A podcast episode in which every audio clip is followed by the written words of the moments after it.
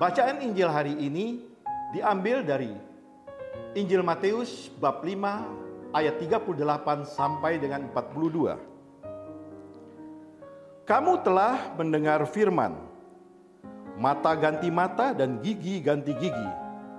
Tetapi aku berkata kepadamu, janganlah kamu melawan orang yang berbuat jahat kepadamu, melainkan siapa pun yang menampar pipi kananmu, berilah juga kepadanya pipi kirimu. Dan kepada orang yang hendak mengadakan engkau karena mengingini bajumu, serahkan juga jubahmu.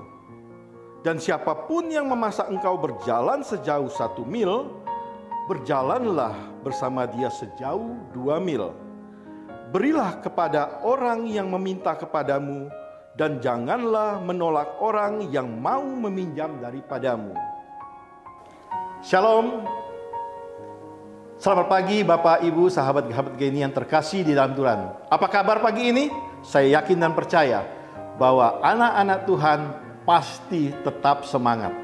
Saya Bambang dari PDPKK Santa Maria Paroki Roh Kudus Katedral, Denpasar. Bacaan Injil hari ini sungguh luar biasa. Kalau kita mencoba untuk merenungkan, ya, apa sih yang diinginkan Yesus saat itu? Saya mencoba merefleksi pada diri saya sendiri. Apakah mungkin? Apakah masih mungkin apa yang Yesus inginkan di sini bisa terjadi di zamannya saat ini? Di saat ini yang sungguh-sungguh luar biasa permasalahannya, apakah kita masih bisa untuk mengampuni orang yang menyakiti kita? Apakah juga di saat-saat yang seperti ini kita masih bisa menutup mata, mengatakan tidak apa-apa, ya, tidak apa-apa engkau berbuat kepada saya, saya mengampuni engkau. Apakah masih bisa seperti itu? Dan apakah juga di saat yang seperti saat ini pun juga kita bisa masih bisa memberi perhatian kepada sesama kita? Jawabannya bisa ya, bisa tidak. Kalau kita melihat dari mata manusiawi, rasanya tidak mungkin Sangat tidak mungkin. Bagaimana mungkin kalau kita disakiti, kemudian kita bilang tidak apa-apa, tidak apa-apa, ya. Saya sudah biasa seperti itu. Masih mungkin tidak? Rasanya juga tidak mungkin.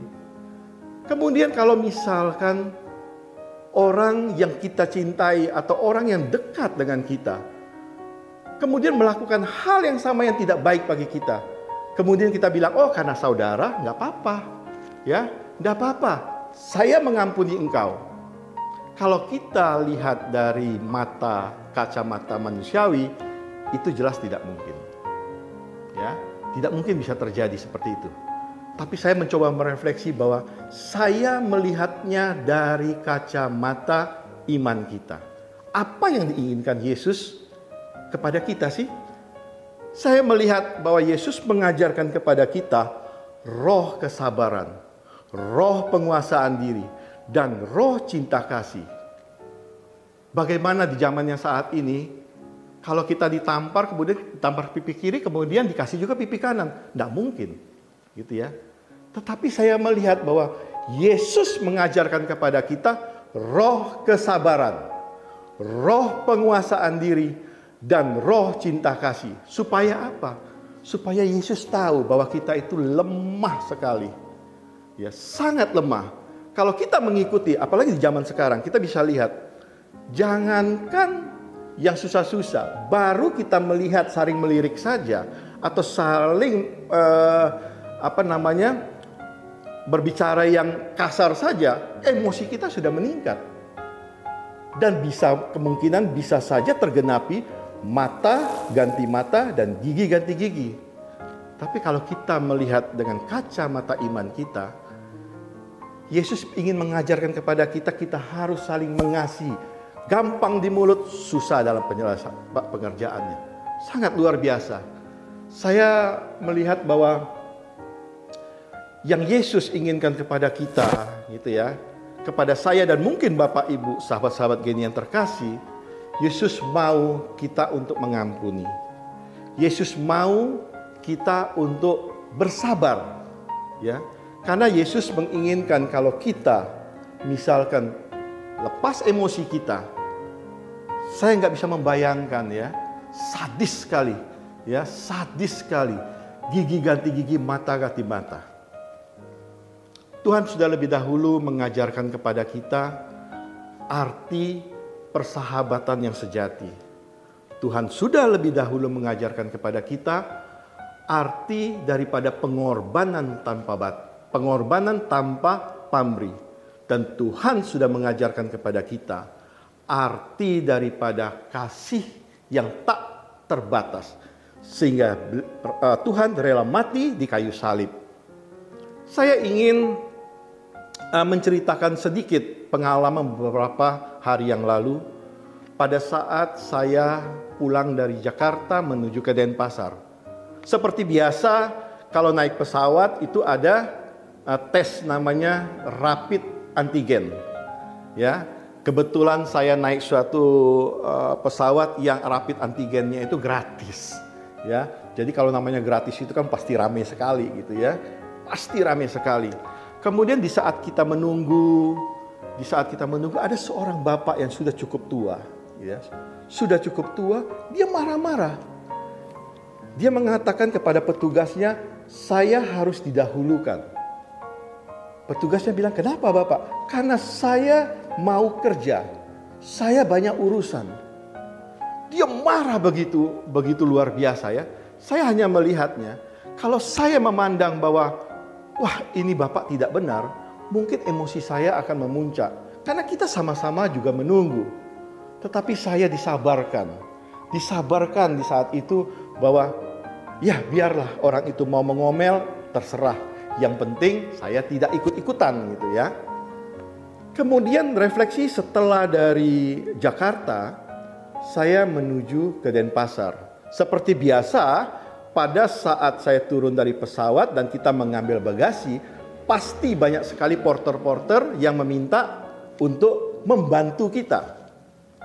Dalam perjalanan saya mengambil bagasi, begitu banyak porter yang menginginkan membantu saya dengan segala ekspresi.